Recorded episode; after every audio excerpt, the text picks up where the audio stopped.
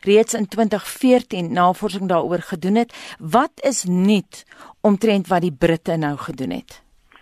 Ja, net um, die gebruik van heuning uh, as 'n antimikrobiese middel ehm um, is is is eintlik al dekades en nie nie nie eeue oud nie. Dit dit dit sluit eintlik aan by ons die feit dat ons weet dat ons ons suiker kan gebruik of hoë konsentrasies van suiker om van bakterieë ontslae te raak of bakterieë uit te ons weet ons lê lê tog kos in uh, vrugte in in in, in groot hoeveelhede suiker water dan kan ons om kan ons om lank hou so jy kan kan sulke hoë konsentrasies van suiker aanwend om om om seker te maak dat dat, dat jy anti antimikrobiese omgewing skep maar hierdie groep het het dit nou 'n stap verder gevoer en hulle het op 'n heeltemal ander aspek gaan kyk uh, om die heuning te gebruik en wat hulle gedoen het was om 'n ensiempreparasie by die heuning te sit.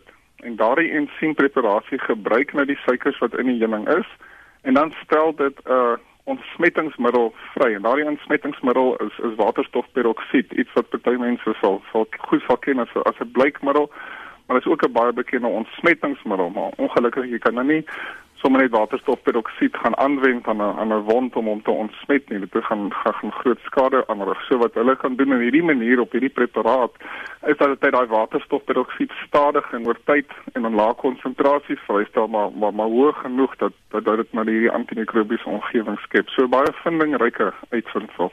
En hulle is al baie ver gevorder met hierdie navorsing want daar's nou eh, 'n uh, maatskappy wat ook betrokke is by die navorsing. Ja, daar's 'n maatskappy wat, wat betrokke is en sover dit lyk vir my lyk is dit al klaar kommersieel beskikbaar as 'n as 'n wondsalf. Uh, ons moet maar klem lê dat hierdie is vir uitwendige gebruik, so dis die fokus is hoofsaaklik vir wonde en en en preparasies wat jy kan aan aansit aan aan aan aan wonde. Dit is nie wat jy inwendig gaan gebruik nie. Jy kan nou kan nou nie liters en liters van heuning gaan begin gebruik en dink dit gaan nou 'n sistemiese infeksie uh, effek op en hier is vir uitwendige gebruik maar dit lyk asof jy dit inderdaad alreeds kommersieel beskikbaar is in Brittanje. Ek het nog nie dit gesien in in Suid-Afrika nie, maar dit lyk of hulle dit al klaar op die mark het. Sê vir my Erik, hoekom werk heuning so goed? En ek dink dit verwys na die die die die hoë suikerinhoud wat ons weet uh kan gebruik. Daar is ook ander ehm um, faktore binne in in heuning. Ehm um, heuning het alreeds ook bakterieë wat daarin is, goeie bakterieë. So tussen die die die hoë suikerinhoud wat hierdie dehydrerende omgewing skep en die ander bakterieë wat daarin is wat kan begin om 'n uh, om 'n kompetisie te vorm vir die slegte patogeniese bakterieë wat in 'n wond kan wees skep dit 'n omgewing uh, wat positief is vir vir vir wonde om te genees. So hierdie hierdie gedagte daarvan dat ons ehm um, bakterieë kan bymekaar voeg en probeer om 'n goeie bakterium by 'n slegte een te sit sodat die goeie ene kan uitkompeteer. Ek gebruik nou maar goed en sleg. Dit is nou natuurlik maar 'n bietjie van 'n van subjektiewe manier om daarna te verwys, maar ons verwys na na probiotika. Gewoonlik as ons verwys na 'n goeie bakterium, bakterium wat gewoonlik uh, op die liggaam of binne die liggaam teenwoordig is en ons wil graag hê dat hulle moet uitkompeteer met hierdie bakterieë wat wat dan slegte negatiewe patogeniese effekte het. Ons het aan die inleiding gesê teen 2050 sal antibiotika weerstandigheid meer mense doodmaak as enige kankersel. En dit is die Britte wat so sê maar ek het jare gelede verskeie stories gedoen oor antibiotika weerstandigheid. En dis die eerste stories wat ek in my lang loopbaan as joernalis doen waar mense vir my sê die probleem is baie baie erger as uh, wat die media eintlik skryf. Nou ek weet in Suid-Afrika het ons die Beske always veld tog geloods juis om hierdie sie bewus te maak van die gevare om antibiotika sommer net voor te skryf vir byvoorbeeld boonste lig infeksies maar hoe erg is antibiotika weerstandigheid vandag in Suid-Afrika? Anita, dit is baie moeilik om presies te sê want jy het 'n regtig 'n groot skaal so veldtog nodig wat wat jy op in binne hospitale ook binne gemeenskappe sal moet toetse doen en ons het net nie die kapasiteit om tans te, dit te doen nie. So daai die die die die bestek van die probleem is is grootliks eintlik onbekend. Maar wanneer daar studies wel gedoen is, uh, is daar gevind dat byvoorbeeld 'n uh, patogeen so Staphylococcus aureus wat wat groot uh, groot hoeveelhede van ons infeksies in hospitale wat wat wat na operatiewe infeksies veroorsaak en na gekyk word is is amper die helfte van daardie uh, infeksies deur weerstandige organismes alreeds.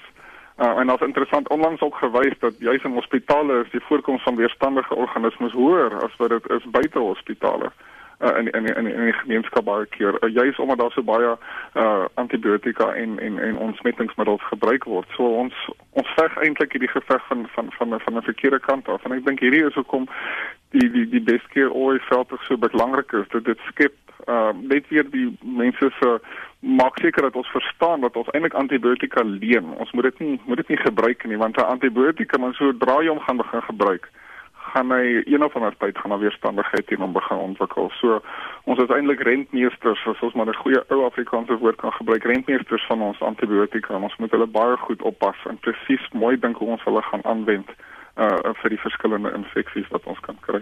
Hoekom sukkel ons so om nuwe klasse van antibiotika te ontwikkel?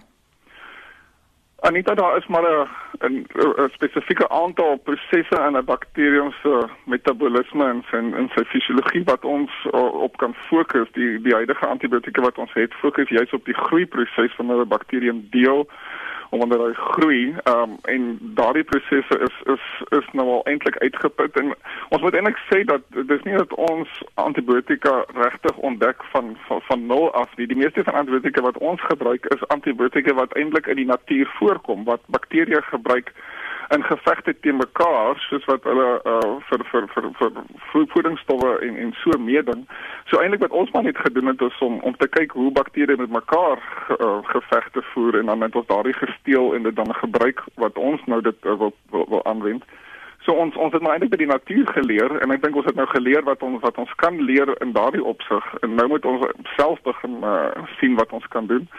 En dit is natuurlik baie moeiliker. Ehm um, die biologie te verstaan op alle aspekte is is is regtig moeilik, maar ons ons ons begin te leer uh, en ons begin dan miskien met nuwe gedagtes vorendag te kom en van die goed waar ons nou begin dink is miskien moet ons die die gas hier, die mens wat wat aangeval word, miskien sy immuunstelsel help. Uh, en dit word net baie keer dink, jy weet ons gesê deur probiotika, maar of of miskien net te dink maar kan ons nie die immuunstelsel help om om om vinniger te werk teen die infeksies wat wat ons wat ons kry nie. So ons moet bietjie uit die boks uit begin dink uh oor die tipe van goed. Erik, ek wil net terugkom na daai stelling deur die Britte teen 2050 sal antibiotika weerstandigheid meer mense doodmaak as enige kankersel. Dink jy dis 'n alarmistiese stelling of is jy dit met die Britte eens? Anita, mens stat, statistiek is altyd 'n moeilike ding om om op te voorspel. Ons weet al reeds in Amerika maak uh, weerstandige infeksies meer mense dood as wat wat wat HIV vigs doen.